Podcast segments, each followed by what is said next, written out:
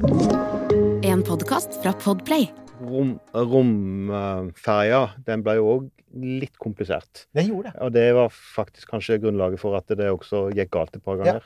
ikke sant? Nei, altså, jeg, jeg må egentlig dra halv, altså. For, Okay, da altså, vi, vi. vi mista litt tid nå. Ja, men det er greit. Det er min feil, men Nei, nei, det går bra. Vi, vi, da skal vi prøve å gjøre det sånn. Da gjør vi det sånn. Ja. Og Nils Johan, du, Ja. du dro dette i gang. Vær så Ja, vi kjører. Three, two, one. When liftoff.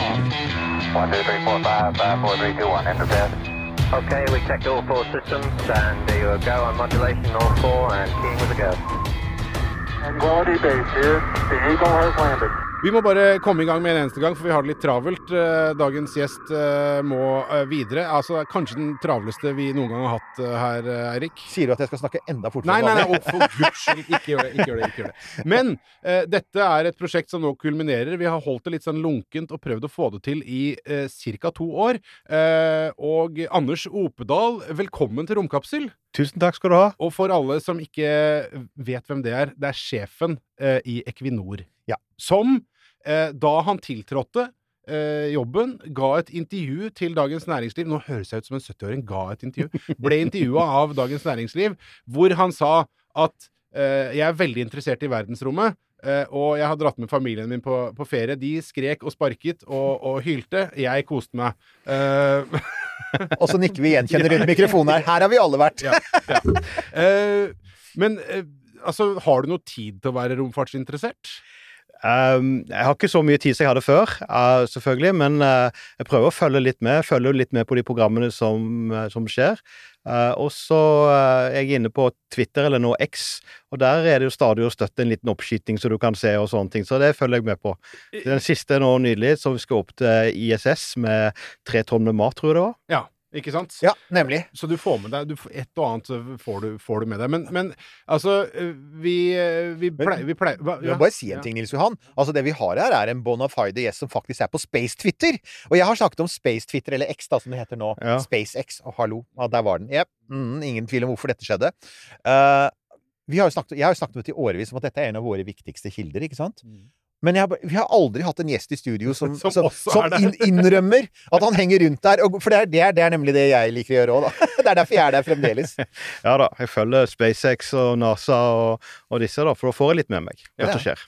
Men eh, hvor starta det? Når starta denne interessen eh, for verdensrommet? Du, jeg tror faktisk det starta Altså, jeg er for ung til å huske Apollo-programmet når det skjedde. Du også, ja. ja, jeg, jeg er det. Men, men eh, jeg husker ennå den TV-sendingen jeg satt og fulgte med på, der russerne og amerikanerne møttes i rommet, og de kobla seg eh, sammen eh, der. Ja, Vi Eh, hadde og- en sending om Apollo Soyuz. Ja, du hadde det, ja? Ja, ja. Okay. Eh, for det var jo en sånn helt spesiell eh, Og han Diek, eh, som hadde vært sjefen Ja. til disse Han var fikk lov til å komme med der. Endelig. Ja. Endelig kom han seg ut i rommet. Uh, og um, Så det, da liksom Dette var jo skikkelig kult. Eh, og så, så ja, jeg skal innrømme at jeg er født på ei tid det ikke fantes internett eller uh, podkast eller YouTube eller noen ting. da, Så etter hvert som jeg ble litt eldre og kunne begynne å lese og den type ting, så gikk jo der kilden til informasjon var. Det var biblioteket, det lokale biblioteket hjemme i Sauda. Lånte bøker. em, jeg lånte alle bøkene jeg kunne finne om Apollo-programmet. Jeg leste til og med ei bok som var transcript av det de sa på Apollo 11. Hvert ord som ble sagt på den fleiten. Og nå er vi på, nå er vi på ditt nivå, Erik. Ja, jeg kjenner meg så godt igjen. Og så alt som involverte eh, Erik Tandberg og Jan P. Jansen, ikke sant. Mm. Det var selvfølgelig helt fast. For det var sånn de hadde, de hadde jo det av og til, da, selv om det var det var tynt. Det var langt mellom drammene. Så jeg ble også reddet av biblioteket. Du har helt rett. Pluss at faren min er engelsk, og vi var mye i England, så jeg hadde massevis av rombøker som du aldri fikk i Norge. Ja, okay. Så jeg var, sånn sett var jeg veldig heldig. Det skjønte jeg jo etter hvert, da. Men ja, det, altså, uten disse bøkene så hadde vi jo ikke Transcriptene er jo for øvrig der ute. NASA har lagt ut alt sammen. Du kan høre det òg. og du kan høre Du kan også Ja, ja. høre det. Mm. Så da, og da, og da Det er har kjedelige greier. det er ve Snakk for deg selv. Ja, men det er, Har du prøvd Ja, det har du selvfølgelig. Jeg har men jeg har prøvd å høre på det der, der sånn, og det er, det er lang For det er jo real time. Og det er opp, Ja. tatt opp alt sammen, så det er jo ikke redigert, Men- og det er jo ikke indeksert eller noe. så Nei, det er, det, du det, og det er sånn eh, Det er en kommentar, og så er det lang uh, ventetid, og så er det sånn pip. Ja, det pipet! Jeg elsker det pipet! Den der, Og jeg, jeg, jeg har lest forklaringen på hva det er igjen, men jeg, jeg vet du det også er? Det er litt sånn zen, for at Hvis du har noe å gjøre, altså hvis du skal jobbe med noe annet, du har en hobby du holder på med, eller noe sånt, ikke sant? Så, Styre et svært uh, energiselskap. eller ja, et eller annet sånt noe, ikke sant? Og så kan, du kan ha det på i bakgrunnen, for det er nesten litt sånn som hvit støy, for det er mye spraking. Ja, ja, og så det et stemmer. occasional pip. Jeg har gjort det noen ganger. Det Det, er det kjempefint. visste jeg. Men, uh, men det det er jo på en måte romfarts... Eller romferja, det programmet der. Ja. Det er jo egentlig det som på en måte er klart til å følge med, for det skjedde i min ungdomstid. Um, og, um, og, og liksom Jeg husker fortsatt den første oppskytingen. Jeg husker den første landingen. Da satt vi med og, og fulgte live. I høyeste grad, Den skulle lande i California. Uh, så, så, så da var jo Jeg leste jo alt jeg kom over på den tida der, uh, på, på, om, om romferja, og selvfølgelig de to tragiske ulykkene som skjedde. Jeg har i seinere tid, sånn i profesjonelt i jobben, også gått inn på hvorfor de ulykkene skjedde, for å, å se på overføringsverdien inn til vår industri, da. Uh, så har dukka litt inn i disse tingene. Det er jo veldig interessant, for det var jo Altså, Challenge-ulykken var jo første gang, det husker jeg. Det var sånn Første ganga, på en måte For jeg er også sånn totalt NASA-speider, som en journalist kalte meg en gang. sånn, sånn, sånn starry-eyed, ikke sant? For NASA var Og det er ikke noe rart, for de fikk folk til månen på åtte år. De, de, de har gjort mirakuløse ting, ikke sant? Og så plutselig så bare oppdager du at oi, NASA hadde et problem. Ja. De hadde et problem, og det var ikke bare Det handlet jo ikke bare om ledelsesproblemet, men de hadde jo også om selve måten romferja var designet på. Og, ikke sant? Så det var, det var ganske mye å lære av det, var det ikke det? Jo da, det var altså, Jeg husker ikke alle detaljene nå, men det, det var ledelsesutfordringer. Det var på en måte hvordan du implementerer teknologi, hvordan du sjekker at den teknologien du har testa ut, om den virker i alle typer uh, miljø. For du husker, når den ulykka skjedde, så var det veldig kaldt på morgenen, slik at deler av eh, utstyret ikke kunne operere i den kulden. De har aldri blitt testet ut, for eksempel. Så, så sånne, så, sånne ting har en direkte implikasjon også i annen industri. Da. Så Derfor så, så har jeg uh, dukka litt inn i det sammen med mange av mine kollegaer. Ja, for det, altså, det som er viktig å si her også, da, er jo at du har jo en ingeniørutdannelse, petroleumsingeniør.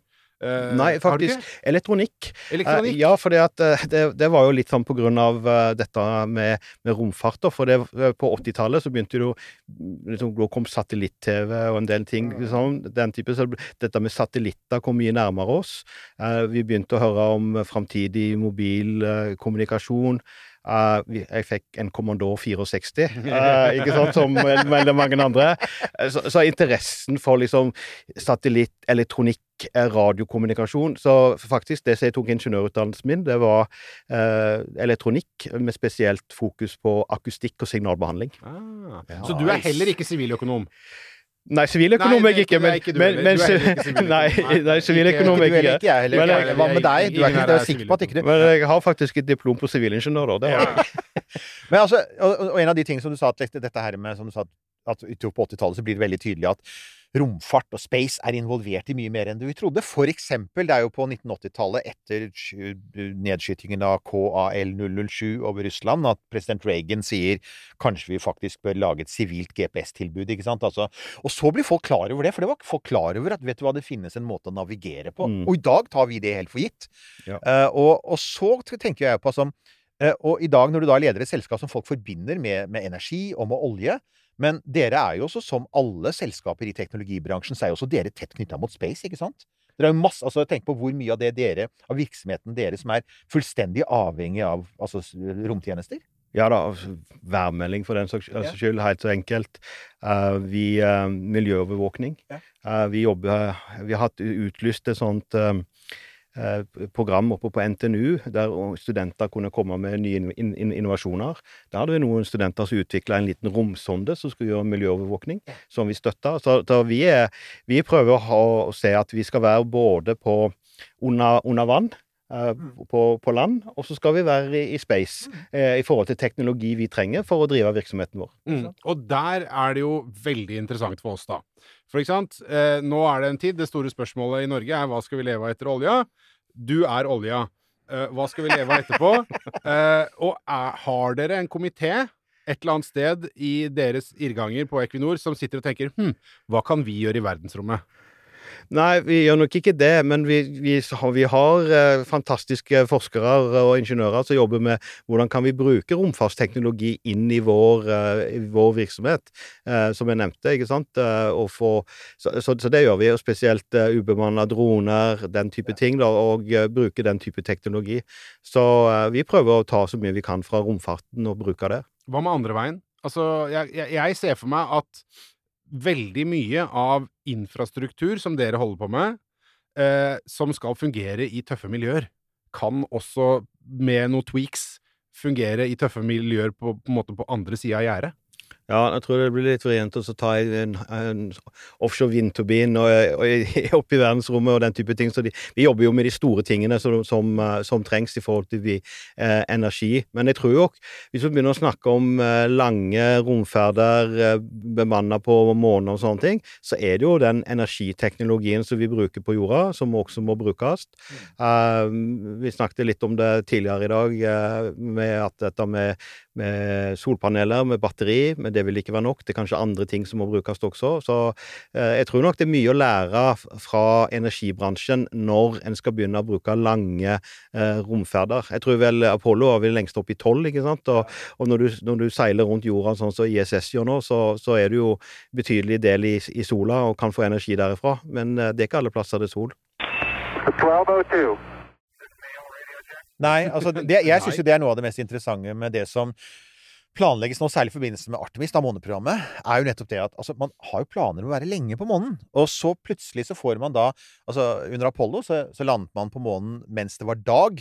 Nå hadde jo faktisk ikke Apollo solcellepaneler, fascinerende nok. I hvert fall ikke selve fartøyet, så vidt jeg eh, Jeg har sjekket dette her. Ja, de hadde ikke, hadde ikke nok vekt til Ikke sant? de Så det de brukte brenselceller, og, og når brenselcellene og batterier, og når de gikk tomme, så var de tomme. Uh, vi skal selvfølgelig ha solcellepaneler på månen, og bruker det mye nå, men så har du da, når du skal være lengre enn to uker, så får du månenattproblemet. Og månenatten varer i to uker, og den er mørk, altså. Og da er det ikke snakk om å ha noe energi. Og det var da Det er jo den forbindelsen hvor da jeg tenkte at å ja, men vent nå litt. Det betyr at vi Romfarten langsomt er på vei mot en situasjon der alt har vært aerospace, og alt har vært håndlaget, veldig dyrt, laget av spesifiserte noen få aktører.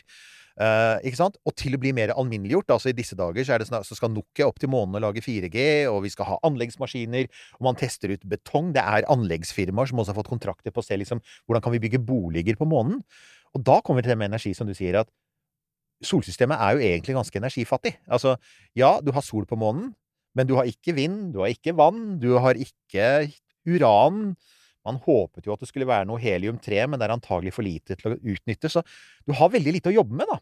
Men det er jo også en interessant utfordring. Hvordan kan du på ikke sant? Og da tenker jeg at der kan jo energiselskapene komme inn og kanskje ha noen ideer. Ja, jeg tror du må tenke veldig sånn som, eh, sånn som vi gjør nå vi øker fornybarvirksomheten i mange land. Men da er det jo sol og vind som ikke gir energi når det er sol og vind, og da er det snakk om batterier. Men fortsatt så er vi der vi på batterier at de varer en time og to. Så skal du ha de inn i et, eh, et strømnett, så, så kan de redde deg en time og to. Men skal du ha tolv dager, da begynner du å snakke om at du skal ha akkurat den samme utfordringen som du har her i Europa i forhold til vinteren. Ikke sant? Du kan få tolv dager uten sol og uten vind. eh, og hvordan skaffer du deg energi i den perioden der? Så jeg tror mye av de løsningene som du må tenke på her, eh, her eh, nede, må du ta med deg på månen. Eh, Og da har du Altså, her tenker vi jo på Har vi jo naturgass? Det har du ikke. Så har du hydrogen, det tror jeg ikke du skal ta med deg opp. Det er i hvert fall lett nok, da, sånn at det gir ikke noen vektproblemer.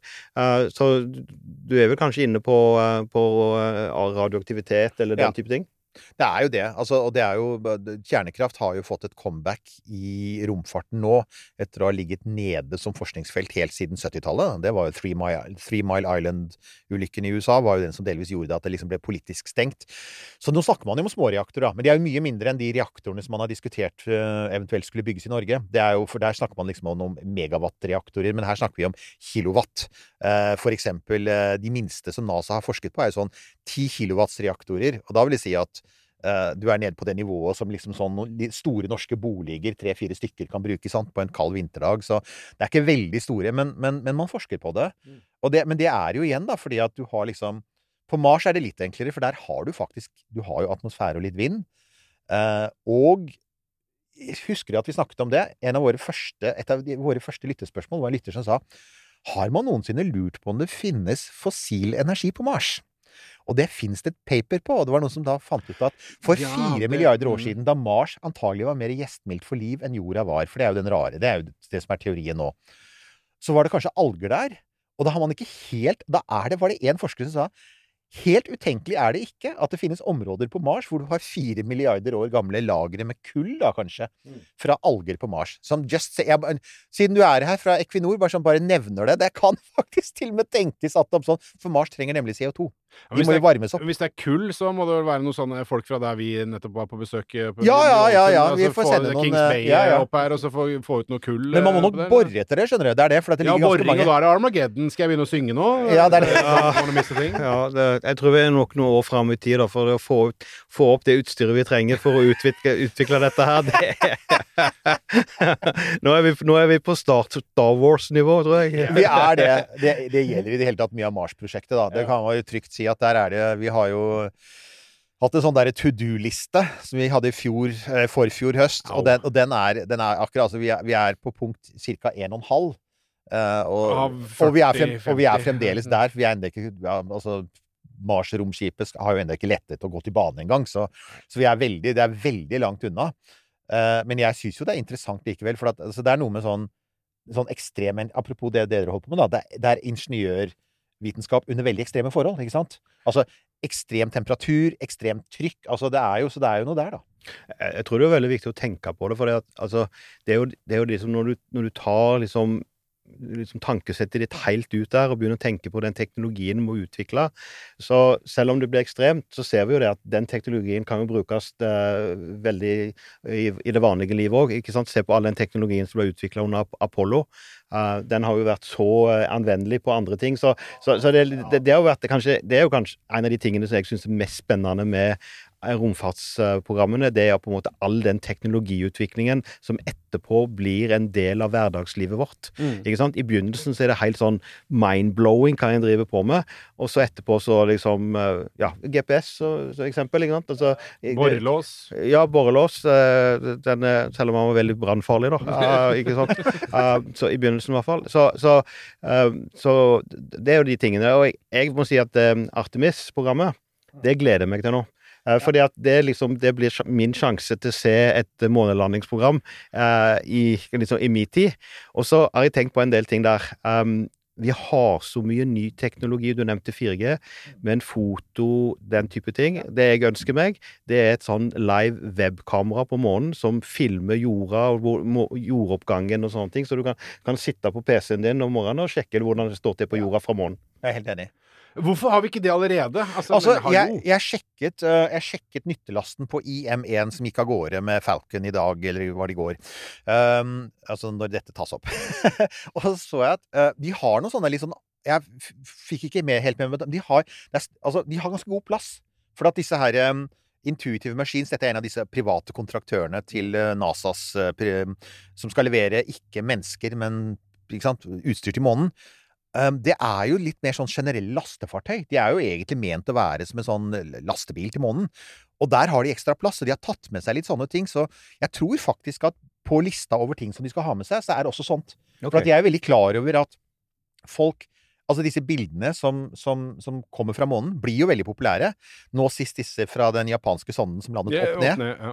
Jo, men det bildet av en opp-ned-sånn, det er jo kult, da. Og det får jo, du får jo 300 Det millioner er views. tidenes fail-meme, det der. Ja, ja, ja. Og så er det som jeg sier, den der, det morsomme med kulturforskjellen, at du veit at å ja, japansk selskap, eh, ja, ja, japanske forskere lander opp ned, og alle er bare sånn eh, bukker og ser veldig triste ut, og beklager til mediene, og SpaceX er bare sånn Hei, champagne! ei, det eksploderte! Det er sånn. ja. men, men du nevner Apollo, jeg må bare si det. Jeg, jeg har med yndlingsboka mi her, se på den. Saturn 5 Owners Manual. Den er så deilig, den boka. Det er totalt Det der er nerdeporno. Det er bare i detalj så skildrer Ja, men går den er gitt ut av Haines. De, de lager Ja! også motorsykkel eh, Ja, de gjør det. Og biler. manual. Alle amerikanere kjenner Ja. denne bokserien. Ja. Og her har de da fått ingeniørene til å gå i detalj, og blant annet så er det der inne så er det hvordan de løste problemet med hvordan du måler mengden med brennstoff som er inne i tankene når du ikke har elektroniske sensorer. Så veldig mye av sensorene i Apollo er jo mekaniske. Ja, Det var jo det. Og så, så veldig mye av det vi i dag tar for gitt med at vi gjør det med software og elektronikk, det måtte gjøres mekanisk. Og det er da grunnen til at du har denne ni sekunder lange når du sier ikke sant, ignition sequence started. Ti, ni ignition sequence started. Så de kaller det for the launch symphony. For det er en symfoni, det er en kaskade av ting som settes i gang. Den ene tingen etter den andre. Ting, Releer som skal klikke, og, og stag som skal vris på, og litt elektronikk. Og så til slutt så er det liksom Så starter F1, og så har du det hele i gang. Og jeg bare sånn Jeg får frysninger på ryggen. Jeg vet ikke åssen det er med deg. Jo, altså, jeg har jo vært mest opptatt av det som skjer etter du har skutt opp, da. Ja. Men eh, Saturn 5 er jo en fantastisk eh, eh, rakett, og vi har vel alle sett på Apollo 13-filmen og skrudd volumet på maks eh, Ja, ja, ja, ja. når han tar av der, ikke sant? Så da, da får du litt av den, eh, den følelsen der, da. Uh, så eh, jeg har sett den Jeg vært på, på NASA-senteret i Houston. Der ligger han, eh, ligger han Oh, yeah. lang, lang, langs bakken, ikke sant? Han er jo ja, er stor. Han er stor. Det er rett ordet. Han er stor. Men ja, det, eh, det, var den, det var den turen, da familien sto og kjeda seg, og du koste Nei, deg just, i just da var jeg heldig. Houston, Da, ja. da var jeg med noen kollegaer. da, da, da fikk vi litt lengre. Det var faktisk en fantastisk tur, for når vi, vi fikk lov til å komme inn i, um, i kontrollrommet Uh, som en sånn guidet tur det, i det rommet bak, ikke sant? Ja, ja, ja. der alle turistene kan gå. da. Uh, og da var uh, romferja oppe. Eh, så de som satt i kontrollrommet, de hadde en, en levende romferje, som flight som de jobba med. Oh, ja. Ikke sant? Og, eh, og når vi kom inn der og begynte å se på, så var det en romferje over Sør-Amerika, og når vi gikk ut igjen, så var den over Ungarn eller noe sånt. Ja. Det var helt vanvittig. Så det var kult, da. Ja, Men neste gang, da var jeg i Florida, og tok jeg familien med, for da skulle jeg liksom vise deg dette her, da. Eh, da. Når vi hadde vært der i seks timer, så sa jeg nå tar vi en runde til. Da var det sånn Please, skal vi Men da var det null, var null interesse. 1202. Du, du sa at du, du gleder deg til Artemis, Ja. men så litt innledningsvis her, og vi har jo Eirik snakka om dette her før, og Artemis er jo Jesus Christus. Altså, så masse og komplisert og unødvendig vanskelig. Altså, dette har vi snakka om før, Eirik. Ja, vi, vi, snakket folk ble jo litt sure på oss da vi påpekte at det å bygge en egen romstasjon Altså istedenfor å fly til månen når du skal til månen, men altså ha en romstasjon. Altså, de har jo noen argumenter for det. Men det er, det er denne her sånn Det er en diskusjon som foregår i USA nå. Det er denne om det, forskjellen i sånn ingeniørtenkning, da. For, altså, Apollo er veldig direkte. Det er veldig sånn, Du har et klart mål, det skal nås i løpet av åtte til ni år. Eh, Du har massevis av delmål som skal nås, og de, var, de ble fiksert veldig tidlig. Allerede i 1961 så har du egentlig designet klart. Månelandingsfartøyet forandrer seg ganske lite fra 1961 og utover. Og samtidig, så, og, og du har også dette her med prosjektstyringen. altså Apollo var fem millioner komponenter som skulle bygges av 20 000 underleverandører over hele USA. Småbedrifter, til, helt ned til noen damer som satt i Maine og håndsydde romdraktene. Og alt ble sporet, og informasjonen fløt hele veien. Og de holdt møte på møte på møte, hvor de diskuterte seg gjennom alle problemer, og hvor de hadde en sånn prinsipp om at folk skulle kunne rekke opp hånden og si 'jeg tror dette er en dårlig idé', ikke sant? De fikk likevel Apollo 1, det er ikke det. Altså, det var ikke perfekt. Men allikevel, da. På åtte år så var de i mål, ikke sant? Og tida går for Artemis. Det er det som bekymrer meg, du. Altså, klokka går, de har holdt på noen år nå, og de har bygd veldig lenge. Det er det som bekymrer meg. Ja, du ser, altså Apollo-programmet det var jo under en ekstrem konkurranse. Ja. Ikke sant? Og jeg tror når du er i konkurransesituasjon, eh, du skulle slå russerne, så begynner du også å tenke også forenkling. Hva, hva, hva skal til? Hva er godt nok for at Ja. dette skal virke, og at det er sikkert? Ja.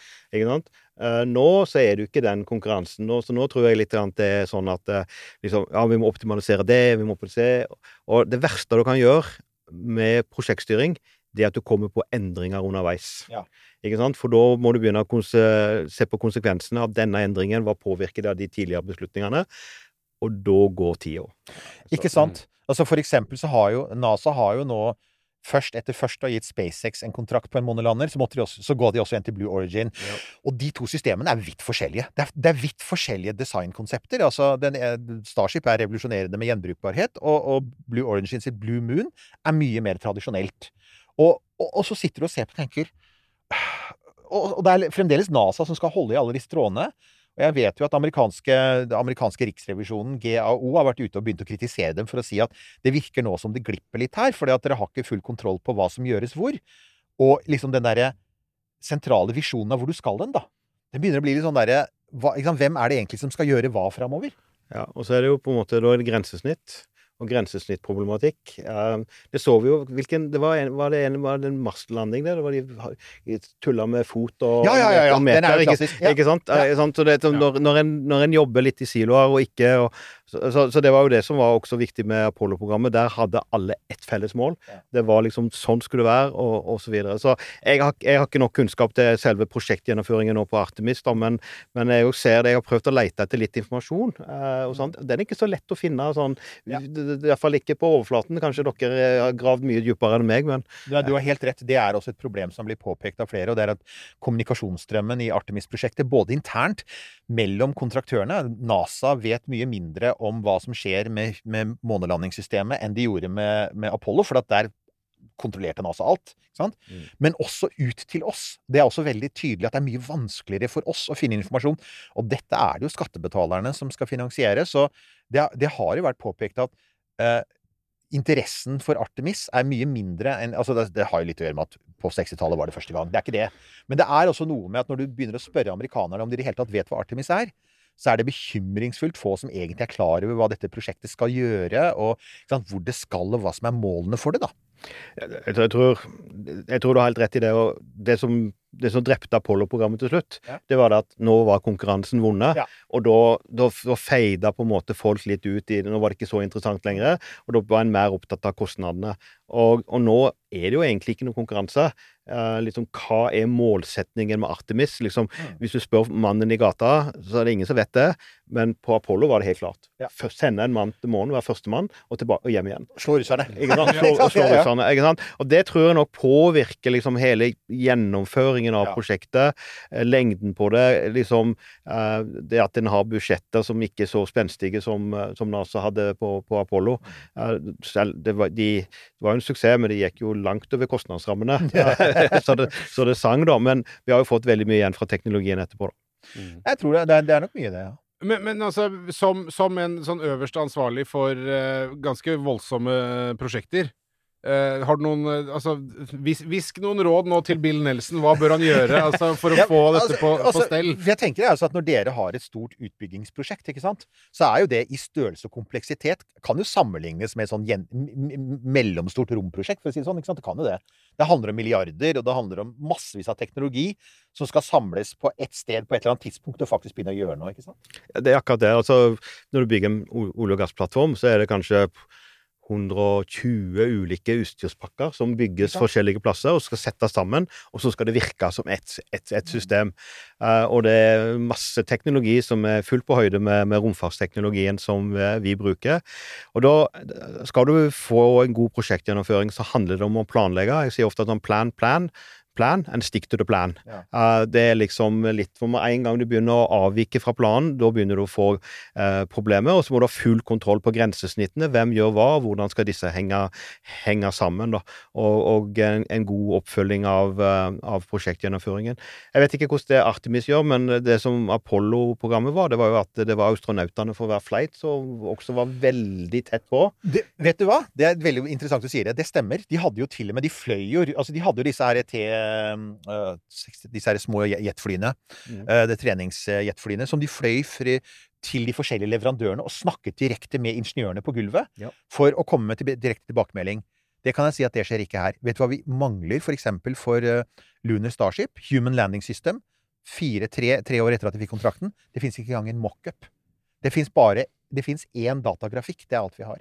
Og dette er jo mange påpekt at astro, altså, Blue Origin har faktisk gitt NASA en mockup. Den står, den står nå i Houston. Og der kan astronautene gå inn, og så kan de se hvordan man tenker seg at ting skal være. Og så kan de i hvert fall gi tilbakemelding på ja, den er dumt plassert, og den er ikke der. Fins ikke noe sånt for Starship. Det er rett og slett bare en tegning. Og det er for øyeblikket en svart boks, og det er mange som har pekt på akkurat det du sier, er at du involverer ikke ingeniører utenfor SpaceX, du involverer ikke astronauter. Kommunikasjonen er fryktelig svak nå, og det er det som gjør at mange er bekymra. Ja, og det, det vet vi jo at hvis du ikke, de som skal bruke det, er involvert, Ja, så øker du også muligheten for at ting går galt underveis. Eh, For en ikke Altså, de som, de som designer det, designer det ut ifra sitt perspektiv, og ikke ut fra brukerens Mm. perspektiv. Det er òg en sånn klassisk eh, problemstilling innenfor prosjektgjennomføring, eh, ikke minst når det gjelder Mm. Bygninger og, slike ting, da. Nei, så det, blir, skal bli veldig interessant å se om de kan få det på rett kjøl igjen. For at det er jo Det stemmer, det var jo ikke det, altså, det var jo ikke konkurranse da de startet Artemis. Men det fins et land der ute som nå skal til månen. Og de er, de er offensive, Kina, altså. ja. De har flytta sin første landing med mennesker nærmere og nærmere oss i tid. Mm. De startet i 2035, nå er de nede i 2029 og snakker litt om 2028. Og da er vi veldig nær det punktet som jo egentlig NASA ikke ønsket. De ønsket jo å ha mennesker på månen til neste år, men det skjer jo ikke. Men eh, så har de snakket om kanskje 26-27. Men altså, du skal jo ikke mye forsinkelser i dette systemet før du altså begynner å nærme deg veldig Kina. Så Bill Nelson har jo vært i Kongressen og sagt eh, Kina puster oss i nakken. Så han har jo begynt å reise det, men, spørs, men altså, spørs, spørsmålet er om det virker på samme måte som på 60-tallet. da. Men der har du litt av problemet. ikke sant? Først, vi skal til månen 25. Ja, kanskje 26-27. Ja, ja. Da, da Ja. veit du egentlig ikke, ikke sant? Liksom, og, og alle som jobber med det prosjektet, da. Eh, når skal de være ferdige? Når skal de levere det? ikke sant? Altså, Du begynner å få den, eh, den problematikken. Og så eh, Kina, de har nok sikkert de som jobber med det, de har det veldig klart for seg hva de, Ja. hva de skal gjøre. Det er ingen Ikke tvil. sant? Så, da, er, så da, eh, da er du litt tilbake igjen der du var på, på 60-tallet. Ja, Men, men det handler jo om motivasjon. Altså om Ja, det er enkelt og greit. Hvorfor gjør vi dette? Hva skal vi med det? Men, men det, det, det var jo du også inne på, liksom, dette her med inspirasjonseffekten, ikke sant? For det handler jo ikke bare om uh, at du kan få spennende teknologi ute. Det handler jo også om hva romfart gjør med oss. Du har jo egentlig mer eller mindre sagt at romfart var en vesentlig årsak til at du tok, gikk for det utdanningsløpet du ville ha, ikke sant? Altså, Nei, det er det, sånn- det var jo det. ikke sant? Det var jo det som trigga, trigga interessen. ikke sant? Det var å se det på TV, gå finne mer informasjon, leite. um, ja, jeg lå jo på eh, dere, Jeg forstår dere har snakka med veldig mange så, sånne to be-astronauter som, eh, Ja, ja. som har lyst til å bli det. Eh, jeg satt jo og leste disse bøkene og tenkte, drømte om å bli astronaut. Jeg tok jo aldri og prøvde på det, men, men det å være, bli ingeniør, begynne å jobbe med, med den type tekniske problemstillinger, ikke sant? Det, det, det ble jeg inspirert av gjennom romfarten. Men du må huske på det. William Shatner, eh, Captain Kirk, han har vært i verdensrommet ish, så det er ikke for seint. Du kan Nei, nei, nei, nei. Alle, absolutt. Men det jeg tenker på, er jo bare for, for sånn, sånn på avrunde her, er jo det med at vi, vi igjen, denne podkasten har brukt mye tid på å snakke om verdien av å, å få eh, en nordmann opp i rommet. Nå har vi riktignok hatt en svensk nordmann, norsk-svenske. Norske medier er ikke helt enige med seg selv. Eh, og vi har, vi har hatt en sending, et par sendinger siden, så hadde vi jo Nima Shahinian til å som eh, de, de hadde litt hadde, litt- hadde noen ord. Men, men eh, bottom line er jo, og det ser vi også på lytterne våre, at de, altså, det er når Norge selv har lagt seg i selen og gjort jobben og søkt og trent opp astronauten, det er da vi kan kalle at vi har en norsk astronaut. At en svensk astronaut reiser opp og også har norsk statsborgerskap, er for så vidt formelt riktig, men som mange da sier, han er ikke liksom min astronaut. Men jeg tenker da er jo betydningen av det, for vi har jo sett, blant annet, jeg har jo sett effekten av Christer Fuglesang på et svensk publikum. Mm. Så hva, hva, hva tenker du om det? Altså at dette her med, Tror du også det vil være viktig for oss å være mer engasjert altså, Som land, da, for vi det finnes et land vi kan sammenligne oss med. Det er eh, eh, Emiratene. Forente arabiske emirater. De har et veldig offensivt romprogram. De har hatt to astronauter oppe allerede. De har to til i løpet. De har sendt en sonde til Mars. De bygger en Mars-simulert by i ørkenen. Og har et gigantisk fond. Var det sånn det åtte milliarder kroner eller noe sånt som skal bare gå til space? Så det er helt tydelig at de ser for seg at den dagen de må trappe ned oljevirksomheten sin, så skal de ha noe annet, ikke sant? Og da er space en viktig del av det. Hva tenker du om det? Ja, Der er jo Norge inne. Jeg er litt usikker på om det, om det snur veldig mye så, eh, folkesjeler om vi får en eh, norsk eh, astronaut eller ikke, men eh, eh, jeg hadde syntes det var litt kult, da. Eh, Ja, ikke sant? Eh. Jeg òg. en-. Sånn, og en astronaut som på en måte er astronaut, med at det, og ikke en sånn romturist. Ja. eh, men som, eh, som eh, liksom tar utdannelsen, får treningen og reiser, og reiser opp for å gjøre en, et stykke arbeid. eh, liksom å, å forske og, og sørge for at eh, det som eh, blir gjort, eh, kommer alle, alle til nytte på jorda etterpå. Mm. For det er jo det som romfarten har bidratt med. Ja, jeg, men jeg har jo også alltid tenkt at på en måte så burde vi ligge ganske godt an. For at, altså, vi har jo denne tradisjonen med at folk har dratt til isødet og vært isolert i måneder og år. Og det, er en helt not det ser vi på som en del av norsk kultur og tradisjon. Så egentlig så burde jo noen av de første på Mars burde jo egentlig ha vært sånne disse her eh? Børge Ausland. Ja. Ja, Norge liker Nei, Lars Monsen til Mars. eh, nordmenn liker seg best alene, ja. Eh, så, så Og der er, det, der er rommet perfekt, for der er du aleine, altså. ja, der er du skikkelig alene. Ja da. Nei da, det, det hadde vært kult, det, med en, eh, en norsk eh, astronaut. Men om jeg tror om det hadde liksom påvirka det norske folkesjela i forhold til romfart, det er jeg litt usikker på. Men eh, jeg vet i hvert fall at dere hadde, hadde satt pris på det. Ja, ja, vi, altså, og det er jo sikkert og våre lyttere. Og denne gangen kan vi si og mange med oss. Er, jeg vet en gruppe som ville satt eh, pris på det, det vet jeg. For at jeg, i mange mange år så reiste jeg, jeg rundt og holdt foredrag på skoler for Den kulturelle skolesekken. Helt vanlige norske skoleklasser. Ja, ja. Space er fantastisk for unger. Ja. Altså Hvis du vil rekruttere barn eh, til å bli interessert for de såkalte STEM-fagene, altså sant, vitenskap, teknologi, ingeniørfag, så er, er eh, Altså eh, det er jo hva er det man kaller for gateway drug. Altså, Ja, ja, ja. rom- romfart, eh, altså astronomi og romfart er det. Det er fælt å si det, men altså, jeg har jo venner som er på en måte sånn kjemikere og matematikere og sånn, og kan si det er kjempekult, men når du står i et klasserom og skal ha tiåringer til å bli interessert i verden og vitenskapen, og ja. ja, interessert i verden og universet i det hele tatt, så kan jeg si at et veldig godt sted er å starte på månen. Starte med Apollo. Og fortelle at det står tre elektriske biler parkert der oppe. Batteriene er tomme nå, men en dag kan vi kanskje lade dem opp. Det er sånn wow.